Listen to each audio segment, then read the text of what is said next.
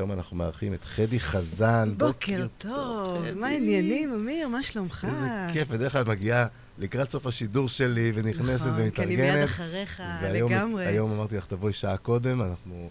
היום יש לנו תוכנית מדהימה, כי חדי מדברת על סליחות, ואנחנו נדבר על איך הסליחה משפיעה על העסקים שלנו, ואיך אנחנו עושים את העסקים יותר טוב, ואיך התוצאות שלנו משתקפות מזה.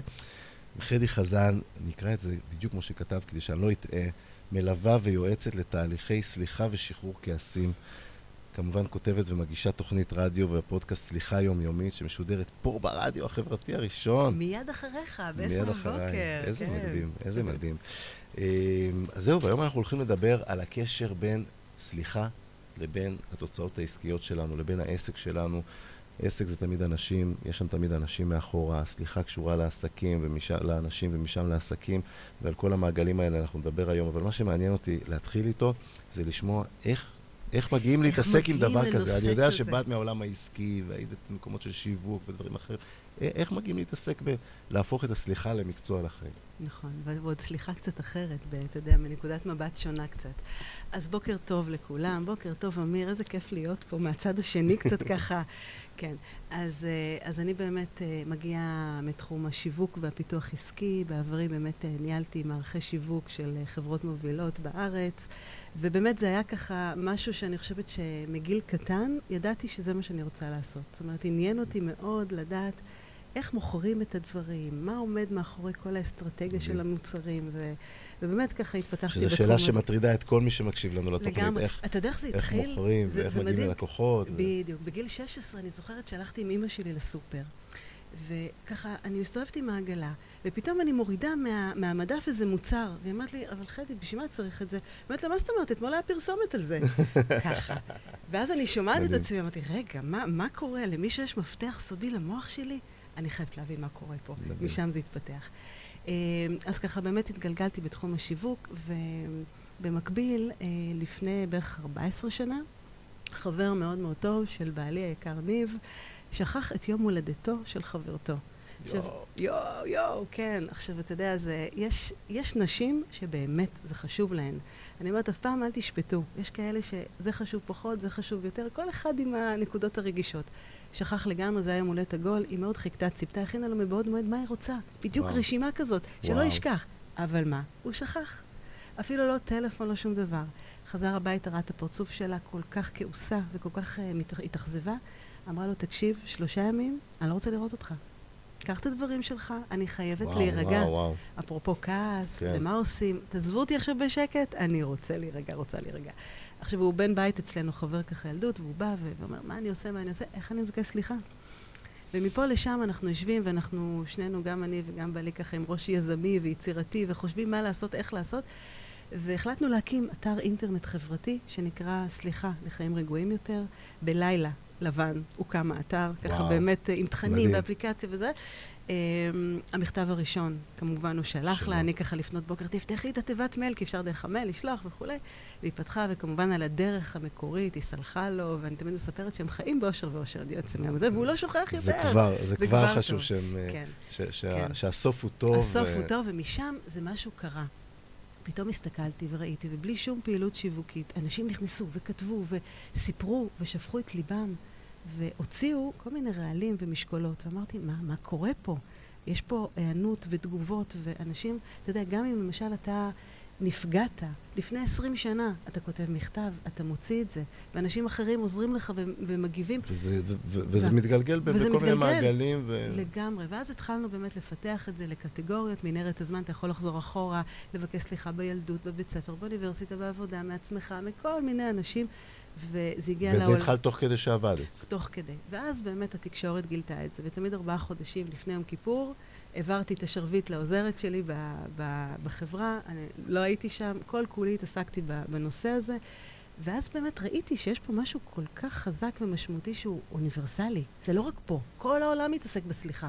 כן. אבל בכיוונים ברור. אחרים. ברור, בנצרות כן. יש את ה... יום ראשון, הקונפשן, יש את הסולחה אצל כן, הערבים, כן, ובתאילנד מפריחים אה, בלונים אה, פעם בשנה.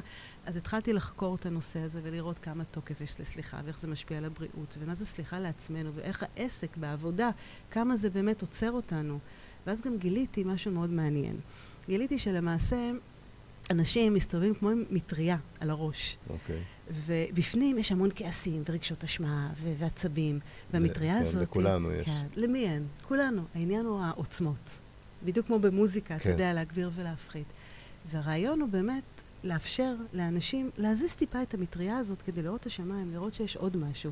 כי אני, כן. אני לא כי מתיימרת... אחרת רק רואים את השחור הזה כל הזמן. ונתקעים, נתקעים שם. כן. ואז אתה יודע, אין מוטיבציה, וזה משפיע על תפוקה, ואין לך כוח, ואתה כל, אתה לא עושה כלום, אתה כן. תקוע. וזה מוביל גם לדברים הרבה הרבה יותר גרועים. אה, תלוי כל אחד עוד פעם בעוצמות שיש לו נכון. את זה, אבל... אז אני לא כן. מתיימרת לשנות דברים. אני רק רוצה להאיר באלף ובעין, ואני תמיד אומרת ש... טוב, הנה, חנוכה מגיע, חג האור. האור. זה... אתה יודע, וזה גם לא מה שאנחנו, אנחנו יודעים המון. אני אומרת, אנחנו היום בתקופה שההתפתחות האישית והמודעות היא מטורפת, היא נכון. באמת גבוהה. נכון. ואני לא באה לחדש דברים. אני באה באמת להגיד, תשמעו, אני אומרת דברים שאתם יודעים, אבל זה לא מה שאנחנו יודעים, זה מה שאנחנו עושים עם מה שאנחנו יודעים.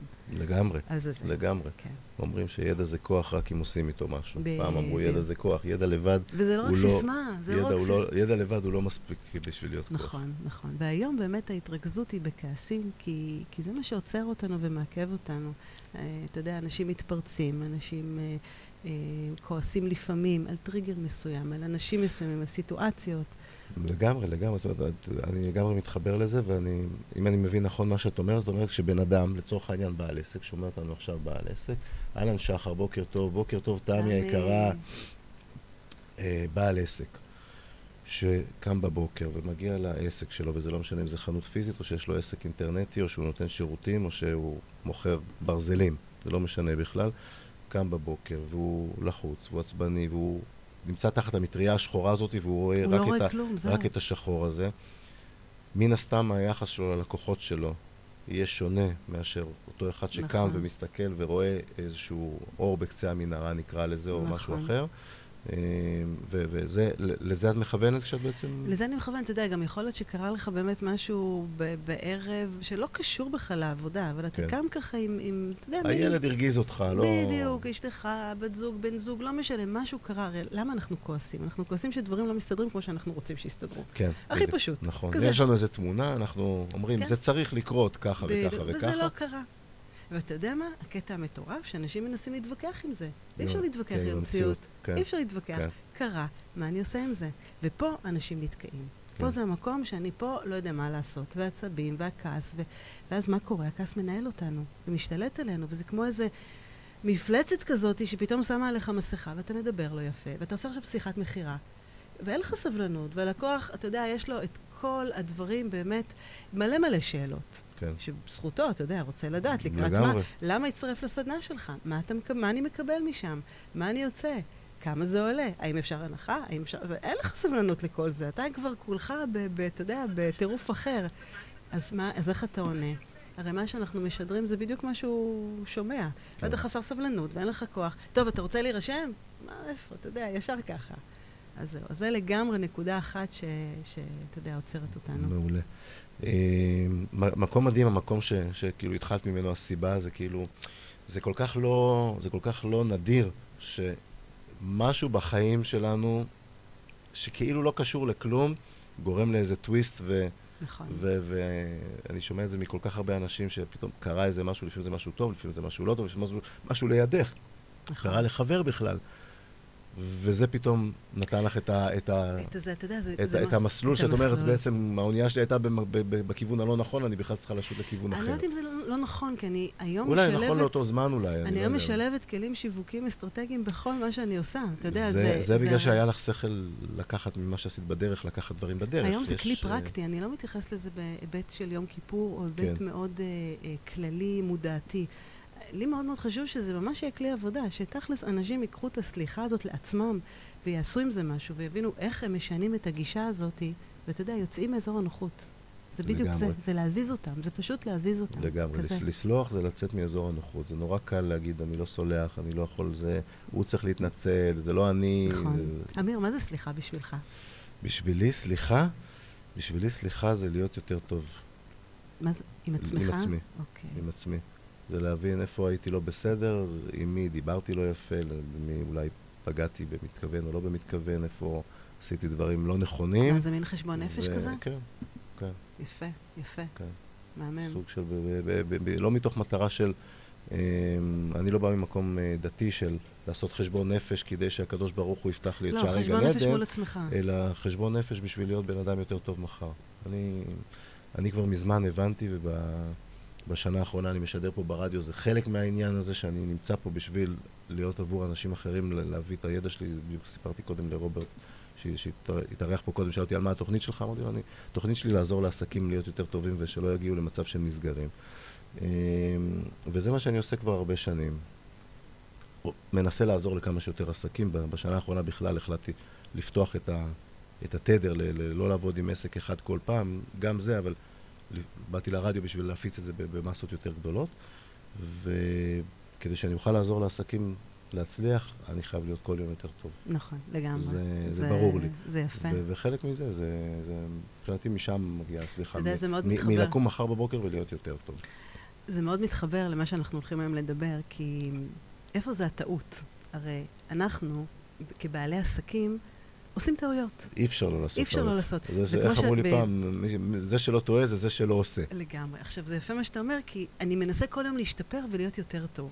לגמרי. ומה קורה שאנחנו עושים טעות? ואני חייבת רק לציין שאני מדברת על טעויות אנוש. כן. על טעויות שלא בכוונה תחילה. כן. נגיד, תמכרתי לא טוב את ההצעת מחיר. כן. אה, מכרתי את הסדנה והפסדתי עליה. אה, לא נתתי שירות טוב ללקוח. כן. אמרתי מילה לא במקום. זה לא שבכוונה באתי בבוקר, אמרתי, עכשיו אני הולך לעשות את זה. עכשיו אני הולך לא. לתת ללקוח שלי בראש ולהעיף אותו. בדיוק. לא. אז חשוב לדייק שאנחנו מדברים פה על טעויות שהן בסך דעת מכוונות, ולא כן. מכוונות. איך אנחנו משתפרים מהן? אתה יודע, זה בדיוק המקום שגם הסליחה לעצמנו פה תופסת אותנו, ואיך אנחנו הופכים את לגמרי, היוצרות. כי אני, אני חושב שכשאת אומרת את זה עכשיו, אני חושב על זה שמי שלא אה, סולח לעצמו, הוא בעצם מתחיל להגיד שהטעות קרתה לא בגללו, אלא בגלל Mm, מה שמסביבו. אשמה. הלקוח לא בסדר, שר האוצר לא בסדר, אה, מס הכנסה לא בסדר, אה, נכון. זה מספיק לפתוח את מה שקורה בקבוצה של שולמן בפייסבוק, אני, אוי, אני כל משהו. יום מסתובב שם ו- ופשוט רואה שם דברים, אני, אני מקבל משם כאילו רעיונות ל- לאיך איך לעזור לעסקים להיות הרבה יותר טובים, כי אנשים פשוט שופכים שם טונה של דברים, ו, ו, ואת רואה המון המון אנשים, אני, לא, לא כולם, כי יש, יש שם באמת מעל 150 אלף איש, אבל המון המון אנשים מתלוננים על מה שמסביבם. נכון, נכון, זה הכי קל. עכשיו, לפעמים באמת הסביבה לא בסדר, אבל את הסביבה אתה לא יכול לשנות. נכון. אז כאילו, אני אומר, בוא, בוא, בוא, כן. בוא תסתכל על עצמך ותגיד, אוקיי, זאת הסביבה שלי, אני עכשיו נמצא, סליחה על הביטוי, אני נמצא עכשיו בחרא. או שאני אצא מפה ואני לא אהיה פה, אבל אם אני פה, זה הסביבה, אז מה. מה אני יכול לעשות פה? אה, זה בדיוק המקום שאתה הופך את האשמה לאחריות. בדיוק. עכשיו, אתה יודע, כשאני מדברת על טעויות, בכלל, טעויות, אם אנחנו לוקחים את זה באמת היום לעסק ואנחנו מתמקדים בעסק, אז טעות יש לה בעצם שתי, אני אומרת, שני שלבים.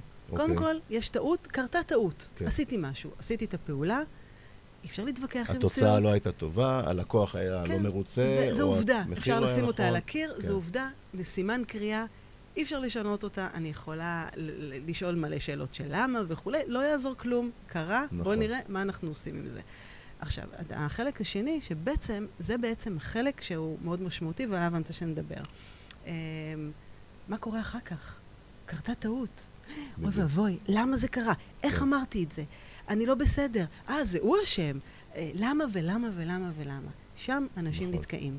שם אנשים הרבה פעמים, אתה יודע, לא מצליחים להתקדם. זה התקיעות. זה המקום שבאמת, אה, אני חושבת שפה נדרשת ה- המעבר ושם, הזה. ושם מהניסיון שלך, את כבר עושה את זה לא מעט זמן, את רואה שאנשים שמצליחים לעשות איזשהו תהליך של סליחה, עוברים את, עוברים את המדרגה, את המשוכה הזאת הרבה יותר בקלות. לגמרי, אבל הסליחה היא מאוד מאוד כללית. אתה יודע, אתה אומר סליחה, כן. זה כזה משהו זה מאוד מאוד כותרת כללי. נורא רחבה, זה ברור. כותרת. כדי להגיע לסליחה, אתה צריך לעבור כל כך הרבה דברים אחרים. כן. קודם כל, לדעת להפחית את העוצמות של הכעסים שלך. דבר שני, לדעת לא להגיב על אוטומט, כן. ולחשב את הדברים. אז בואי בוא נשאיר רגע את האיך לעשות את אוקיי. זה. אז רגע, אז בוא נדבר שנייה על הטעות, כך, בדיוק. בוא נדבר על הטעות אבל את עצמה. אומרת, כן, בן אדם שבעצם, בן אדם שיודע לעשות את התהליכים, שאחרי זה נדבר קצת על איך תכלס, עושים מה אותם. עושים אותם? כן, כי חשוב בסוף גם לתת לאנשים טיפים, שידעו מה לעשות מחר בבוקר. כן. אה, אולי אחרי ההפסקה של השיר נעשה את זה. אה, אבל את אומרת, אם אני יודע לעשות את התהליך הזה, אני אעבור את המשוכה הזאת של הסימן קריאה הזה ששמתי על הקיר, שנתתי הצעת מחיר, ולא קיבלו את ההצעת מחיר שלי. נכון. כי היא לא הייתה טובה. אז עשיתי לא טעות, טוב. נקודה. מה אני כן, עכשיו עושה עם. זה? אז קודם כל, מאוד מאוד חשוב להבין שבמיוחד אצל אה, אנשי עסקים אה, קטנים, בינוניים, העסק זה הזהות שלנו. נכון, זה אנחנו. נכון. אפילו השיקולים הכלכליים הם בתת מודע, הם לא הראשונים, זה אנחנו. זאת אומרת, אם אני טעיתי, אם, אם משהו קרה, אם קרתה טעות, זה אני לא בסדר. כן, האגו זה שלי מתחיל. להיפגע. זה אומר וכן. שמה? אני פגום, אני לא בסדר, אני לא מקצועי, איך עשיתי דבר כזה? האם בכלל כדאי לי להמשיך את מה שאני כן, עושה? אני צריך לסגור את העסק, זה לא לגמרי. בשבילי כבר, זהו. אפרופו שאתה אומר, כן. אני פה בשביל ל- לנסות למנוע את הסגירה של העסק, על דברים כאלה אנשים סוגרים עסקים, על כל מיני טעויות שמצטברות ואומרים, רגע, לא בס... אני לא בסדר, זה אומר שאני לא טוב. ופה אני אומרת, זו נקודה שמאוד מאוד חשוב להבין, שזה לא אתם, זה משהו שקרה, ואתה צריך ללמוד לקח מזה. עכשיו יש, אני אומרת, יש משפט מאוד מאוד יפה, שתמיד אני ככה אומרת אותו כדי להפוך את היוצרות, איך להפוך אשמה לאחריות. אוקיי. איך באותה נקודה, במקום להאשים, לקחת אחריות. והמשפט הזה אומר כזה דבר, כשקורה טעות, ואנחנו מלקים את עצמנו בכל הרגשות אשמה וכעס וכולי וכולי וכולי, פשוט תשאלו את עצמכם, במקום מה זה אומר עליי, מה זה אומר לי? אם אתם תקועים במשפט מה זה אומר עליי, זה אומר שאתם תקועים ברגשות אשמה. אני לא בסדר וכולי וכולי. אם אתם הופכים את המשפט, פשוט לכתוב אותו. אני תמיד בעד לכתוב דברים. כשכותבים. דברים, דברים רואים על העיניים. כשעושים את זה בראש, התירוצים, המחשבות, הכל אלה. מה זה אומר לי? אז זה אומר לי שאני צריך לחשוב איך אני מדייק את המחירים, איך אני בודק אולי מה קורה בשוק בחוץ, כן, איך אני עושה חקר שוק, איך אני רואה שוב עלויות שלי, עלות תועלת. לגמרי. אני לגמרי. עושה חישוב, חש, חישוב בית, איך החשבון נפש הזה שאנחנו אומרים. אני בודק את עצמי, אבל כן. פה אני לוקח אחריות, ואני לומד מהטעות כדי שפעם הבאה היא לא תקרה. תראו, זה מדהים. אני עוסק בללמד עסקים איך לעשות פחות טעויות כאלה. כי, כי באמת, כי, כי כשעסק מתחיל לצבור הרבה טעויות, אז בעל העסק אומר, טוב, זה לא בשבילי, אני לא, זה, אני לא מתאים לזה וכולי, וזה חלק מהדברים שבסוף מגיעים לסגירה. את מגיעה בש, בדיוק בשלב השני של וואלה, קרתה הטעות, עשית טעות, כי גם כשאני מלמד עסקים לא לעשות טעויות, עושים טעויות, אין מה לעשות, אי אפשר, אין, אדם. אין מאה אחוז, ה- ה- ה- היקום שלנו בכלל בנוי בצורה, בדיוק דיברתי על זה עם הבן שלי לא מזמן, שאין שום דבר שהוא מושלם. נכון. כאילו, כל דבר שיש ביקום, יש לו משהו ש, שחסר בו משהו, כמו התפוח הזה של אפל, שחסר פה הזה. נכון. תמיד יש משהו שהוא לא מושלם שם. אז אה, once קורית הטעות, את מגיעה עם תהליכים שאת עושה עם אנשים, ואת נותנת להם את הכלים להמשיך, להתגבר הלאה. להמשיך הלאה, לעשות את השינוי כיוון הזה. נכון. הופ, הייתה טעות, אני בנפילה, עכשיו בוא נעצור את הנפילה, בוא נראה איך אני מתרומם חזרה למעלה. בדיוק. אבל מאוד חשוב תמיד להגיד שטעות היא לא טעות, אלא אם כן אתה לומד ממנה לקח. זאת אומרת, כן, תחזור אחורה, לא בשביל להתחיל עכשיו לחפור וכולי, אלא כדי להבין מה פעם הבאה תעשה אחרת. לגמרי. דיברנו על טעויות, כן. ואת אמרת לי שיש כמה מרכיבים נכון. לעניין של הטעות, אז בואי ניתן לאנשים ש- ש- שיהיה להם קל לזהות. אוקיי. אז עשינו טעות. כן. אוקיי? קרתה טעות. אפילו, דרך אגב, זה יכול להיות גם אם פתאום העלינו איזה פוסט בפייסבוק, ופתאום ראינו שלא דייקנו וקיבלנו מלא מלא מלא תגובות, ואנחנו מבינים שיש פה טעות. כן. מה אנחנו עושים קודם כל? דבר ראשון, אתם לא תופתעו לדעת, אבל בואו תגידו, סליחה, חברים, טעינו, הכל בסדר, כן. אנחנו בני אדם. תוציאו את המילה הזאת מהפה. כן, יש אנשים שזה מאוד מאוד כן, מאוד סליחה, קשה להם. טעיתי, הכל בסדר. כן. ולעשות את זה גם מול אנשים שהם פחות מאיתנו, או, או אנחנו מחשיבים את עצמנו. דרך אגב, זה מאוד מאוד חשוב מול ילדים גם, לבוא ולהגיד, אנחנו בני אדם, אנחנו אנושיים, כן. מותר לנו לטעות. איך אמרת? אין שום דבר מושלם. כזה. אתמול בא אליי מישהו ב- למשרד ואומר לי, אני משחרר כעסים וכולי, אז מה, אני אצא ממך ואני לא אכעס יותר בחיים? אז זהו, שלא. אין דבר כזה. כן. אין דבר כזה, אין שחור ולבן בחיים האלה. אז אני אומרת, קודם כל בואו תגידו סליחה, תסבירו, מה קרה פה? מה, מה, מה עבר לכם בראש? לא ברמת תירוץ, כן. אוקיי? אבל ברמת הסבר, שיבין מה עבר לכם. אנשים, שוב, אין להם שום מפתח סודי למוח שלכם. הם לא יודעים מה קורה שם. כן, והמוח של כל אחד מאיתנו הוא אחר, הוא מפרש אחר. אחר, ואנחנו כותבים איזה משפט שלנו נראה מאוד מאוד ברור מה אנחנו מתכוונים. נכון. מישהו אחר, יש לו פילטר עם משקפיים אה, אחרים, הוא קורא את זה דרך אחרת. הפילטרים שלו, הוא מפרש את זה, אה, אינטונציה אחרת נכון. לגמרי, המילה הזאת עושה לו איזה טריגר אחר לגמרי, וכאילו... נכון. כמה פעמים אמרת משהו ומישהו אחר בכלל לא הבין אותך? הוא לא הבין את הכוונה שלך. כן. ואתה אומר, איך לא הבנת? אבל אמרתי את המילים האלה, אמרתי את המשפט הזה. כן. אז, אז זה, אז זה בדיוק שם. אז קודם כל בואו נודה שהייתה פה טעות, תבקשו סליחה, תסבירו. זה, זה שלב הראשון. כן, לבוא להגיד כאילו, סליחה, טעיתי, לא התכוונתי, נכון, בדיוק. טעיתי. לא ברמת תירוץ, כן. היה ככה וככה, לתת את העובדות, כן. ו- ובאמת, אה, קודם כל, כדי לרכך את אוקיי. הצד השני. הדבר השני זה לקחת אחריות. תקשיבו, תקשיבו, כל מי שמאזין לי עכשיו, דרך אגב, אהבתם את הטיפים, ותכף יגיעו עוד, זה הזמן, יש שם כפתור שיתוף, תשתפו את השידור כדי שעוד אנשים ישמעו ועוד אנשים יוכלו לסלוח ושנוכל להפיץ את המסר הזה כמה שיותר אנשים, כי ככל שהתקשורת בינינו תהיה יותר טובה, לקוחות, ספקים, בעלי עסקים, כולם רק ירוויחו מזה. אז לגמרי. תשתפו, ובעיקר אתם, כן. נכון. ואם פגענו במישהו ומישהו לא הבין אותנו נכון, אז זה המקום לבקש סליחה. אתם יכולים לרשום פה, זה גם תופס, אלא אם כן הצד השני רואה את זה. אה, אז אמרנו סליחה, אה, השלב השני זה לקחת אחריות, אוקיי? אוקיי. זה פה להגיד, אוקיי, זה אני, זה כן. אני, זה לא כן. שהוא גרם לי. אם מישהו עצבן אותך, אתה בחרת להתעצבן, אוקיי? זה זה. אוקיי. הוא עם שלו, זה עניין שלו וזה עניין שלי, ופה זו נקודה מאוד מאוד מאוד שלא קל. אנחנו, הרי הרבה פעמים, למה אנחנו אה, מרגישים רגשות טינה או נקמה באנשים כאלה ואחרים? כי אנחנו אומרים, אה, הוא עשה לי דווקא. אבל הוא לא עושה שום דווקא. זה לא שדווקא הוא קם הוא לא- הוא בבוקר... לא יודע שאני ככה וזה, מה הוא עושה לי ככה? זה לא שדווקא בבוקר הוא בא והיום אמר, אני היום רוצה לתפוס את החנייה לאמיר שמגיע לרדיו ולא הגיע בזמן. ממש לא, זה לא עובד ככה, כן, אוקיי? כן, נדבר על הסיפור של החנייה שלי. יש לי סיפור עם חנייה שפעם, אה, כן, כן. כן. אז אמרנו- הכעסים שם עלו לרמה מאוד אנחנו נדבר על. זה, כי זה... כי דרך אגב, זה אחלה דוגמה. הייתי קצת יותר צעיר, וה... אבל זה מעולה, כי כן. זה אחלה דוגמה, כי אפשר לקחת אותה, אתה יודע, ליום-יום, ואנחנו נדבר על זה, כי אוקיי. באמת אפשר פה... אז איך אז איך נרחיב להפוך. עליה, זו דוגמה אוקיי, שאני אז יכול אמרנו, לספר על סליחה, זה. קבלת אחריות, זה אני בחרתי ככה להתנהל, ושתיים, הצעה לפתרון. אוקיי, זה ה closure. כן. אל תשאירו את זה ככה בחוץ, אוקיי? למשל, אה, סתם... אומרת, את אומרת, זה לא מספיק שאני אבוא ואני אגיד, סליחה, טעיתי. זה כאילו, זה רק התחלה. בדיוק. זה גם צריך לבוא אחרי זה גם משהו של... לסגור. זה, קודם כל, זה, מה שנקרא, זה, הדגש הוא על אני טעיתי, נכון, ועכשיו משהו לעשות בשביל לתקן את זה. בדיוק. אם זה למשל דיברנו על פוסט בפייסבוק, אז בואו תסבירו מה קרה שם. בואו ת, ת, תעדכנו את הפוסט, אפילו בתגובה, אפילו ב, ב, בפוסט עצמו, ותכתבו שיש פה. כן. תציעו, ת, תביאו את הפתרון. אם זה למשל, הדוגמה הכי הכי שכיחה, אה, לפני כמה ימים חברות שלי באו ואמרו לי, נו בואי לקפה אחר הצהריים. ואמרתי להם, תקשיבו, אין, אני, אני לא יכולה, יש לי פגישות וכולי וכולי. אמרו לי, מה? ואת כל הזמן עובדת, ואין לך זמן אלינו וכולי. אז יכולתי תוך שנייה כן. ככה לחזור, לקחת את הכעס שלהם. ולעשות את הפינג פונג הזה. ולחזור, כן. אוקיי? ואז אמרתי, תקשיבו, אבל אני לא יכולה היום, אבל אני יכולה ביום אחר, אוקיי?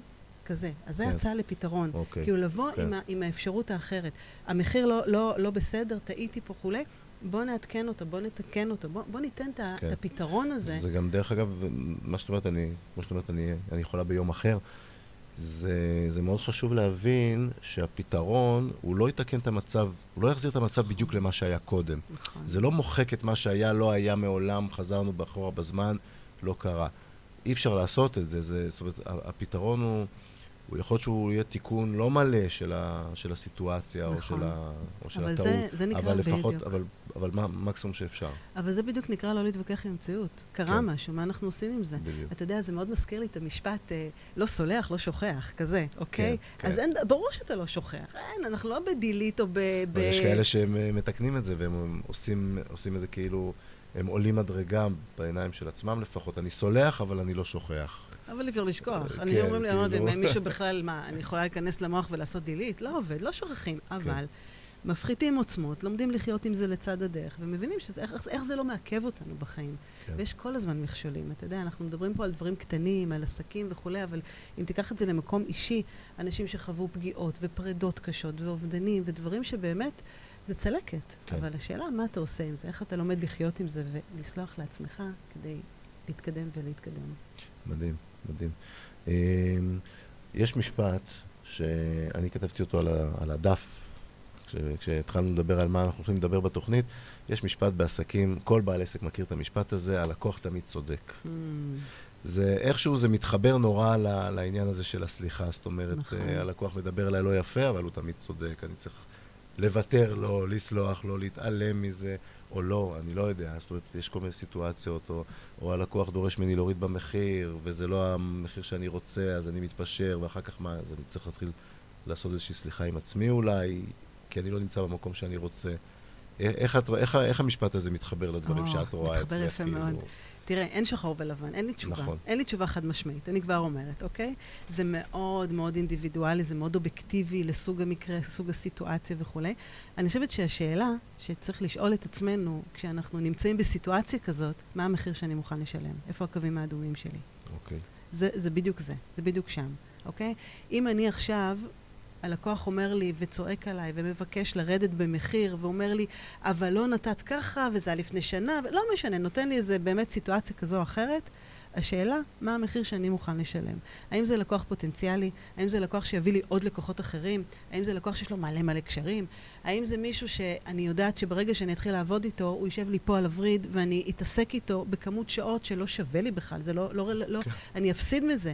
לא חסרות כאילו סיבות. נכון. אז פה צריך לראות מה הגבול שאנחנו מוכנים לשלם ומה המחיר האישי, כלכלי, זמן, אה, שאנחנו מוכנים להשקיע באותו לקוח. לא תמיד, זה נכון, לא תמיד, ממש לא תמיד. לפעמים, אתה יודע, זה מוריד אותך, זה מוריד לך את האנרגיה. אם אני, ו- אם אני מחליט שאני עם לקוח מסוים לא רוצה להמשיך לעבוד, כי הוא מדבר עליי לא יפה, כי הוא כל הזמן צועק, כי הוא צרכן זמן והוא יושב לי פה והוא... זה, יש פה איזשהו אלמנט של... הרי בעל עסק לא אוהב לוותר על לקוחות. נכון, במיוחד בעלי עסקים קטנים, בינוניים, כל לקוח הוא, הוא פרנסה. נכון. אז לוותר על לקוח זה איזה קונפליקט כזה מאוד מאוד, מאוד. בעייתי. אז מה, אז צריך לעשות עם עצמי איזשהו תהליך של, יודע, כן. של אני- סליחה כזאת של כאילו זה בסדר לוותר על איפה, הלקוח להבין וכולי? כאילו מה, מה המטרות שלך ואיפה זה פוגע בך. אני תמיד אומרת, קודם כל אל תפגע בעצמך, כן, אוקיי? עכשיו, תמיד יש לנו לפחות שתי בחירות בחיים, לפחות, אתה יודע. מסכים. אפילו יותר, גם, כן? כש, גם כשנראה שאין, יש. נכון. עכשיו, אה, אני אומרת, לא תופתע לדעת שלא תמיד זה טוב ורע. לפעמים יש רע ורע יותר, אוקיי. אוקיי? אז, כן. אז זה בדיוק זה, אוקיי. אוקיי? יש לי פה שתי אפשרויות, שתיהן לו משהו, אוקיי? גם אם אני מפסיק לעבוד איתו, או שאני עובד איתו ואני פוגע בעצמי. כן. מה יותר גרוע? הבנתי. זאת אומרת, נקלענו לאיזו סיטואציה, המציאות קרתה, מהמם. אי אפשר לשנות אותה, בדיוק. נקלענו לאיזו סיטואציה שטוב לא יכול לצאת ממנה. נכון. איך שלא נסובב את זה, אבל יש גם טוב וטוב יותר, ונביא זה שמונה לא... אפשרויות לפתרון, הן כולן לא מדהימות. נכון, נכון. אה, אבל המציאות קרתה, זהו, כאילו. אז נכון. עכשיו, עכשיו להתחיל לעשות עם עצמי איזשהו תהליך. ולראות קודם כל מה האפשרויות, לשים אותן, ממש לרשום אותן. תמיד יש מעולה. אפשרות יותר יותר גרועה. עכשיו, דרך אגב, זה המקום שאנשים נתקעים, וכועסים, ומלקים את עצמם, ו- כן. ולא יודעים מה ומתחילים לעשות. לאנשים אחרים. כי הם מחפשים את הטוב, אבל כן. לא תמיד יש טוב, זה לא עובד ככה. העולם שלנו לא ורוד כל הזמן. זה בדיוק המקום של. להבין שיש שתי בחירות פה, אחת לא משהו, והשנייה עוד יותר לא משהו. יותר לא משהו. אז בואו ניקח את הלא משהו. אז אנחנו כן. יודעים שאנחנו משלמים לזה מחיר, אנחנו מודעים למחיר הזה, אבל אנחנו מבינים שאנחנו לא פוגעים בעצמנו, ואנחנו סולחים לעצמנו, ומבינים שפה אנחנו, אם אנחנו ניקח את הלקוח חשוב. הזה, אז אנחנו, אתה יודע, אנחנו לא נישן בלילה, אנחנו נתעצבן, אנחנו נכעס, אנחנו נוציא את העצבים שלנו על הילדים, וכולי וכולי וכולי. בדיוק, זה יגיע למקומות האישיים בסוף גם כן מתוך העסק, כי בסוף העסק זה אנחנו ו... אה, אז אה, תראה, הזמן הרי טס לנו, את יודעת, את מכירה את זה שהזמן פה טס כשנהנים. נכון. בוקר. טוב, אורי, מה העניינים? היי, אורי, מה נשמע? אה, אתה יודע, אמיר, אבל יש עוד דברים שמעכבים אותנו הרבה פעמים בעסק. כן, אתה מכיר את uh, מר אגו? מר אגו. מר אגו, כן, כן. כן. מה, מה אתה אומר עליו? מר אגו הוא דמות אה, מאוד חשובה אצל כל בעל עסק. מאוד דומיננטית כזו אצל כל בעל ואחרת. עסק. כן. מספיק להסתכל על 120 חברי כנסת ששנה כבר מגלגלים לנו את המדינה ימינה ושמאלה ותוקעים ועדיין אותנו. אנחנו בלי ממשלה. ומר אגו שם מאוד מאוד. מאוד מאוד חזק, לא משנה מאיזה צד של המפה מסתכלים על דברים, האגו שם מאוד מאוד חזק. אמ, כן, אני, אני מאוד מאוד מכיר את מר אגו. איך אתה רואה את זה אני- לי באנשי עסקים לי שאתה הייתה פוגש? חוויה, לי הייתה חוויה, כשהתחלתי להיות עצמאי, לפני 14 שנים, הייתה לי, אה, החברה הראשונה שליוויתי בתור עצמאי, אה, לקחה אותי בגלל שהכרתי את עולם הרשתות הקמעונאיות, והייתי צריך לעזור להם ב... זה התחיל מעניינים של, של כסף, וזה מהר מאוד גלש לתהליכי עבודה שישבו מתחת לכסף, של איך לעבוד נכון מול הרשתות הקמעונאיות. וישבתי עם הרבה סמנכ"לי כספים של הרשתות האלה, כי היה שם המון דין ודברים על, על uh, כסף ומוצרים והחזרות וסיפורים וזיכויים, וזה זה עולם שלם של התנהלות שבעיניי הוא מאוד מאוד לא, לא, לא עובד נכון. ואחרי שעזרתי לחברה הזאת לעשות סדר, אמרתי, אוקיי, יש הרבה ספקים יותר קטנים מהחברה הזאת שחווים את מה שהחברה הזאת חוותה, הם חווים פי עשר יותר קשה. אני הולך לעזור להם. אוקיי. והתחלתי להיפגש עם ספקים של אותן רשתות. וכולם בעלי עסקים בין קטנים לבין בינוניים. אתה לא מבין כלום, הכל מסודר, הכל, אני יודע בדיוק מה יש לי בעסק, אני לא צריך שום דבר, אני והבעל הבית יושבים שם, הכסף מגיע לי בזמן, אני מקבל את כל הכספים, את כל החובות, אני לא רואה לי כלום. אני מה יודע שנקרא- להתנהל בחוכמה. מה שנקרא, אני כבר 20 שנה בעסק, או 30 שנה בעסק, אתה תבוא תלמד אותי מה לא בסדר אצלי? אז uh, אני לא אוהב להילחם במר אגו. מר אגו הוא מאוד מאוד חזק. כן. קשה מאוד להילחם במר אגו, ואני אומר, העולם הוא כל כך גדול, ויש כל כך הרבה בעלי עסקים, שאני אני, אני אעזור לאלה שמר אגו אצלהם הוא קצת יותר חלש, ושרוצים לקבל עזרה, ושרוצים להיות יותר טובים, ואני קורא לזה בשפה שלי, רוצים לטפס לפסגה. יש מספיק כאלה שאני אוכל לעזור להם. אוקיי, אלה, ש... אלה שיש להם את האגו, הם בסדר. יסתדרו עם עצמם. הם, יסתדרו... הם בסוף, הם ינהלו את הם, הם, השיח עם האגו. הם בסוף יקרה להם שני דברים. או שהם ישלמו המון המון כסף בשביל להגיע לפסגה עם הליקופטר, מהמם. והם לא, לא יעברו את הדרך למעלה, ואז כשההליקופטר יוריד אותם משם, הם לא ידעו איך לרדת משם, כן. או שהם לא יגיעו לשם בחיים. כן, כן, לגמרי. דרך אגב, זה באמת אחד הדברים שמעכבים אותנו בעסק, עם טעויות. אם אנחנו מדברים על טעויות בעסק, ואם בכלל אנחנו באנו ואמרנו, אנחנו נדבר פה היום על כעסים בעסקים, ובכלל, כן. איך אנחנו יכולים לסלוח לעצמנו על טעויות שאנחנו עושים בעסק, אז פה האגו נכנס לתמונה. לגמרי. כי כשאנחנו טועים, לא תמיד אנחנו מוכנים להודות בטעות. ואז האגו בעצם מנהל אותנו, כן. הוא משתלט עלינו. עכשיו, אגו זה דבר נפלא, הוא צריך להיות השומר שלנו, לא המנהל שלנו. ופה בדיוק. זה מתהפך. אז בדיוק. בדיוק, בסוויץ' הזה, כשהאגו. הופך, כשהאגו מגיע מהצד ה- האחורי של להיות מאחורי הגב שלנו ולתמוך בנו, עובר קדימה ואומר, עכשיו אני בפרונט, בטח. גם- ואתה לא טעית, לגמרי. אתה גאון, אתה מומחה, מה פתאום, זה הוא המטומטם, זה הוא נכון, האידיוט, זה נכון. הוא הזה, זה איך הוא מדבר. בדיוק, בוא לגמרי. תסתכל איך אתה מדבר, זה- בוא תסתכל איך אתה מדבר קודם, לפני שאתה אומר לו איך הוא מדבר, נכון, כאילו... זה הכל אה, מתחיל בנו. אתה יודע, זה תופס הרבה פעמים את זה שאתה אה, לפני סדנה, ואתה ברור לך שכולם יגיעו, מה זאת אומרת? אין אחד שלא יגיע. תעזבו, תעזבו, הם גם שילמו לפני. כאילו, זה, זה נקרא שהאגו מנהל אותנו. לגמרי. שאנחנו, זה לא אומר שהכוח עלה לנו לראש וכולי, זה אומר שהאגו מנהל אותנו, שאנחנו לא בודקים, שאנחנו לא מוודאים. ו- ודרך אגב, זה הרבה טעויות, כי אנחנו כן. מפסידים מפה. אנחנו נכון. לא מוודאים, אנחנו לא בודקים, אנחנו לא נכון עושים את מאוד, הקלוז'ר נכון הזה. מאוד. זה המקום שזה נכנס. עכשיו, כמובן, יש עוד גם את הנושא של קנאה, ויש את הנושא של האשמה. ותמיד אני אומרת רק ככה במילה על נושא של קנאה, כי זה מאוד מאוד מאוד חזק ב- ב- בעסקים. למה היא קיבלה משכורת 13? למה הוא יוצא מוקדם? כן. איך זה שהוא הצליח ואני לא? מה, אני יודע הרבה יותר טוב ממנו? מה זאת אומרת? אנחנו למדנו ביחד את הקורס הזה, הוא שם ואני פה. כן, יש כל כך הרבה משפטים כאלה. לגמרי. ואני אומרת, זה דרך אגב אחד הדברים שסופר גורמים לטעויות ולתקיעות בעסקים. שאנחנו אוקיי. כל הזמן מסתכלים על האנשים האחרים, ואנחנו מקנאים בהם במקום להפוך את הקנאה להשראה. כן, יכול אוקיי? להגיד, וואלה, איזה יופי. אם הוא הצליח, הוא עשה, אז גם אני יכול. גם אני יכול, בדיוק, כן. כזה. בוא נראה מה הוא עשה, ולהביא- ניקח את זה גם. כן. כי אתה יודע, כן. לא ממציאים שום דבר. הגלגל כל הזמן מסתובב. אפשר לקחת באמת כל כך הרבה דוגמאות ולהבין איך אנשים פועלים ואיזה טכניקות. ואני חושבת שגם דווקא האנשים האלה, הם ישמחו באהבה לספר לעולם את מה שהם עשו ומה שהם אה, הצליחו. אני כבר נתקלתי בכמה וכמה ש... שלא? לא, לא, ש- שלא ציפיתי לפני, לא הכרתי לפני, ואמרתי, בטח זה דיסטנס, ופה, וכן, ולא, ו...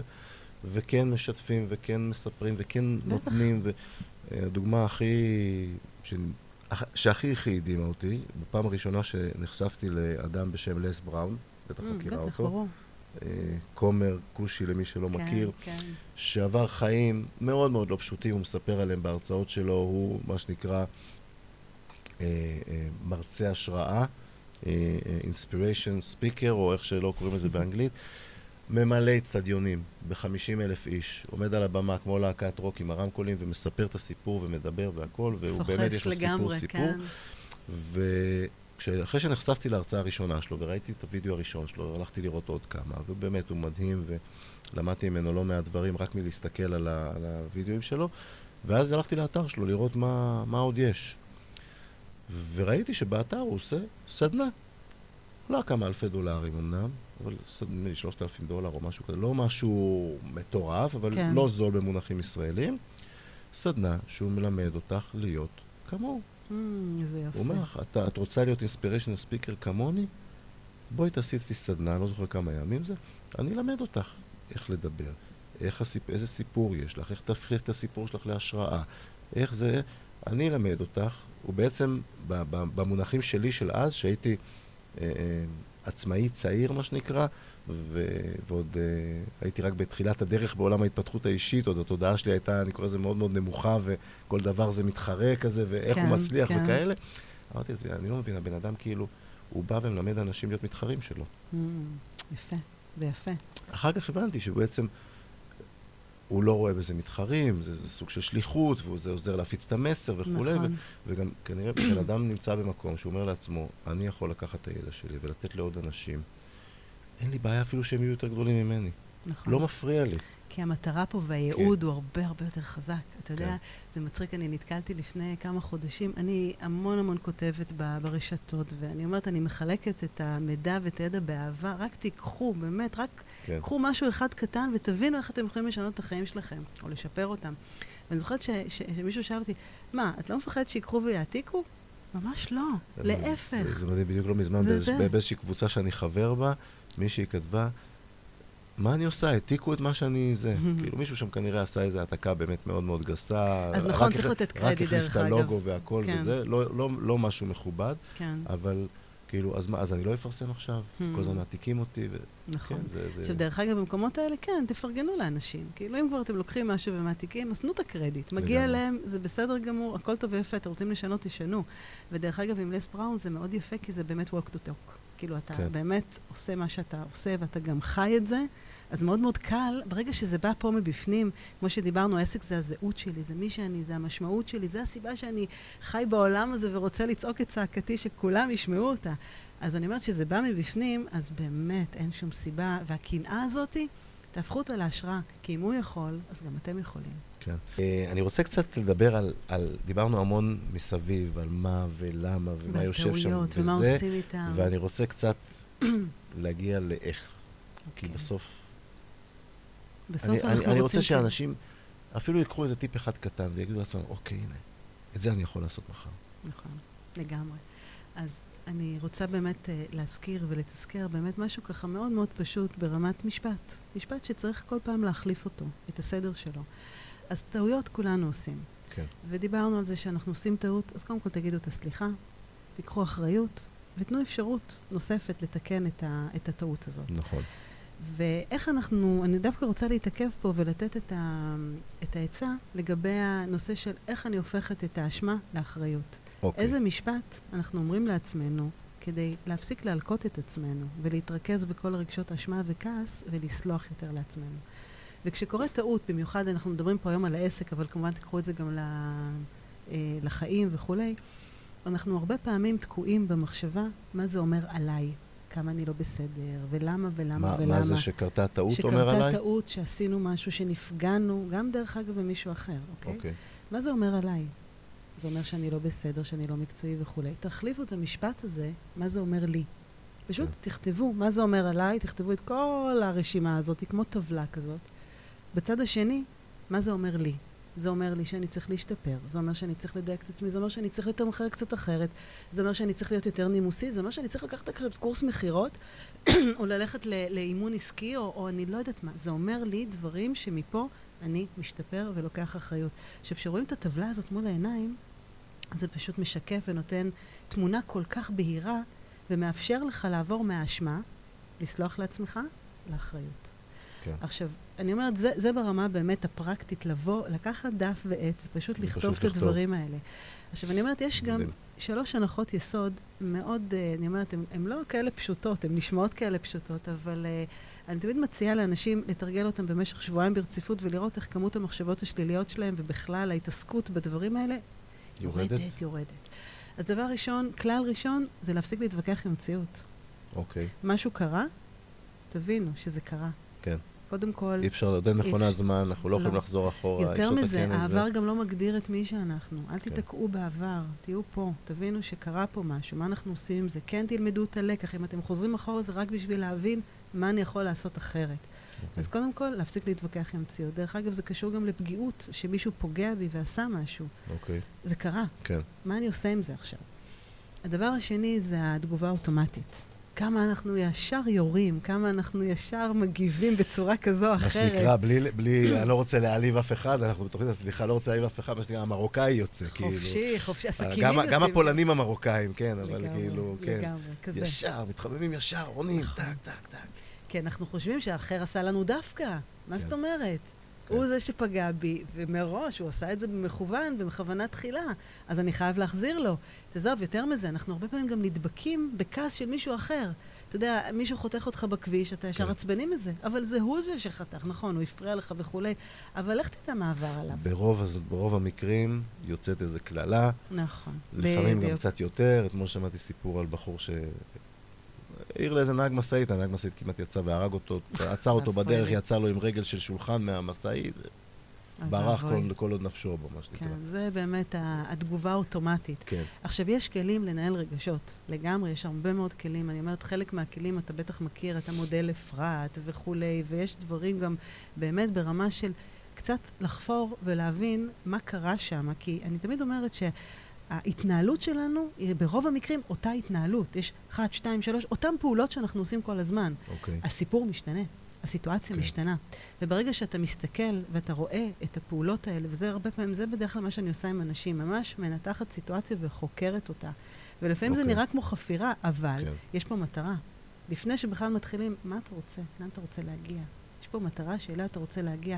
וזה לא מטרה, דרך אגב, זוגית, כלכלית אה, וכולי, זו מטרה אישית, רגשית. אני רוצה להגיע לשקט, אני רוצה להגיע למקום עם סיפוק, למקום עם ייעוד, זה משהו מאוד רגשי. הפעולות עצמן הן מאוד פרקטיות ו- ותכלסיות, אוקיי. אבל המטרה עצמה זה מקום מאוד מאוד רגשי. ואז אתה מבין האם התגובה שהגבת לאותה סיטואציה קידמה אותך או עיכבה אותך. כן. עכשיו, אני תמיד שואלת את זה באחוזים. כאילו, אל תגיד לי ככה באוויר, כן, קידם אותי. כמה? תכלס, אני רוצה את ה-80, כן. 20. קידם אותי 10 אחוז, או קידם אותי יפה. 80, 90 דרך אגב, אחוז? תמיד, תמיד יש מקדם ומעכב. אין אוקיי. הרי מושלם, דיברנו על זה. נכון, זה תמיד. תמיד. מבחינתי שזה יהיה גם 99 אחוז עיכב אותך ואחוז אחד קידם אותך. תחפור ותחשוב במה זה כן קידם אותך. כי זה פיקח אותך יותר. כי זה גרם לך פתאום להסתכל על דברים בנקודת מבט אחרת. תמיד יש שם עוד נקודה. נכון. עכשיו, ברגע שאתה עושה את זה עוד פעם ועוד פעם, פתאום אתה מבין איך להתנהל אחרת. איך בעצם לנהל את הכעס שלך, איך לא להגיב על אוטומט, איך לבחון את הדברים, איך לספור עד עשר לפני שאנחנו ממשיכים לפעול. וואי, זה קשה. זה קשה. זה לא קשה, זה עניין של תרגול. זה עניין של תרגול. זה ממש לא קשה. אתה יודע, זה באמת לצאת מאזור הנוחות. כן. זה ממש לצאת מאזור הנוחות. אני תכף, אני רוצה לספר תכף סיפור על, ה, על הנושא הזה של אזור הנוחות, אבל הנקודה השלישית, אמרנו באמת כן. כן. להפסיק להתווכח עם מציאות, מציאות, לא להגיב על אוטומט, והנקודה השלישית זה להיכנס לנעלי האחר, כן. אוקיי? להבין שהאדם פוגע בנו, זה לא בגלל שהוא קם בבוקר ואמר, דווקא היום אני הולך לפגוע.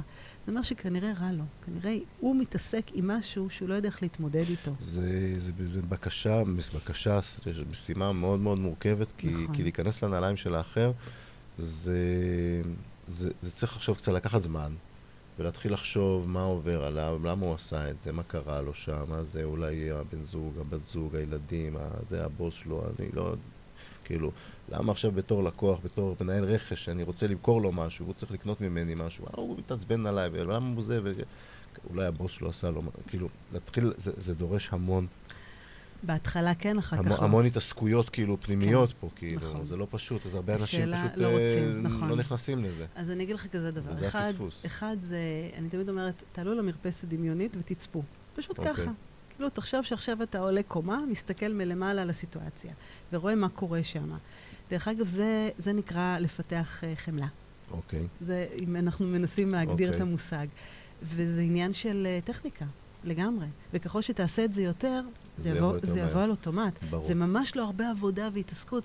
אתה, אתה גם לא צריך להבין באמת מה קרה שם. פשוט אתה מבין שזה לא שקשור אליך, זה קשור אליו. זהו, צריך, אז לה, צריך להגיע לנקודה הזו שמבינים שזה לא, הוא לא כועס עליי בגללי, נכון, אלא הוא כועס עליי בגלל משהו שאצלו. בדיוק. אז עכשיו את זה נכון. ההבנה הזאת צריך עכשיו, זה לא אומר שאתה לא תכעס, אתה תכעס, אבל תכ- תכעס ב- בעוצמות הרבה יותר נמוכות. אתה יודע, לפעמים זה מגיע בשמונה, תשע, בהתפרצויות מאוד מאוד גבוהות. תוריד את הווליום, זה כמו מוזיקה. אני אומרת לאנשים, יש לכם את הכוח תמיד לשלו, להשפיע על הווליום, זה רק שלכם. כן, קחו את הדבר הזה שמוריד ומעלה את הווליום, הכפתור הזה. ופשוט תלמדו איך כל פעם באמת אה, לשחק איתו. וזה משחק. זה לגמרי, לגמרי התנסות, לגמרי. אני משחק, ב- תרגול, באופן ו... אישי אני, אה, אני מודה שאני... אה, בתקופות שונות בחיים הייתי על ווליומים שונים. כן. כבר סיפור עם החנייה ש... שסיפרתי לך פעם. שם כן. הייתי בווליום מאוד מאוד גבוה כזה, ואני לא יודע אם, אה, אם בגלל דברים שאנחנו עוברים, זה קשור לגיל, לניסיון, לא, לא יודע בדיוק, אני לא יודע לשים את האצבע למה, אה, אולי בגלל דברים שהאנשים שהתחלתי להקשיב להם ולשמוע להם ו- ולהקיף את עצמי בהם, אה, הפכתי להיות בן אדם שבאמת רואה רק חצי כוס מלאה בכל דבר.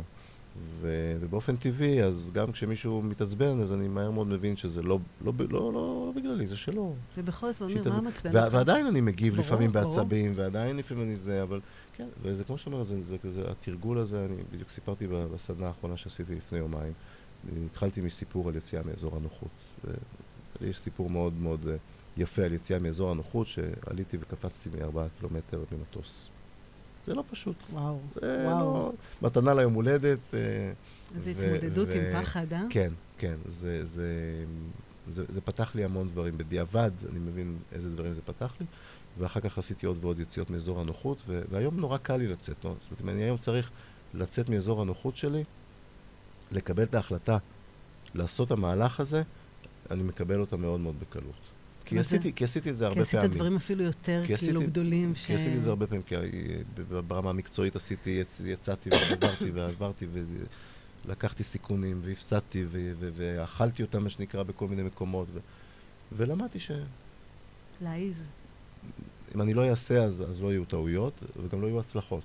בדיוק. ו- והקטע הזה של לאמן את עצמי, להסתכל גם על הצד השני ולשים את עצמי בנעליים של האחר, אם הייתי יודע שאתה הולך לדבר על זה, אז הייתי מביא את השיר של דפש מוד שאני מאוד אוהב, To Walk in My Shoes. בטח, אבל ברור, לא- לא- לגמרי. לא הבאתי אותו, לא, אבל כי לא לא שירים ידעתי שזה טובים. הולך להתחבר, אבל... לגמרי. אבל בסדר. זה בדיוק זה, דרך כן. אגב. אה, יש סיפור מאוד יפה על אה, אזור- הנוחות. היה פעם אה, איש שהלך לעבודה. וכל יום שהוא הלך, בואי, ניתן לה, ת- ת- תני לאנשים אוקיי. ליהנות ממך, דברי דברי למצלמה. אז היה בחור נחמד שהלך כל יום לעבודה.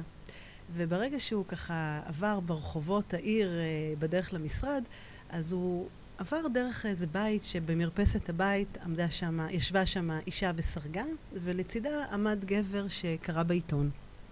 וביניהם ישב כלב שהילל ובכה. וככה הוא עבר ביום הראשון והסתכל ואומר, היא סורגת, הוא קורא את העיתון, הכלב מיילל, מה קורה פה? יום שני, יום שלישי, יום רביעי, יום חמישי, אמר, די, אני כבר לא יכול, אני הולך פה לקרוא לצער בעלי חיים, אין דבר כזה.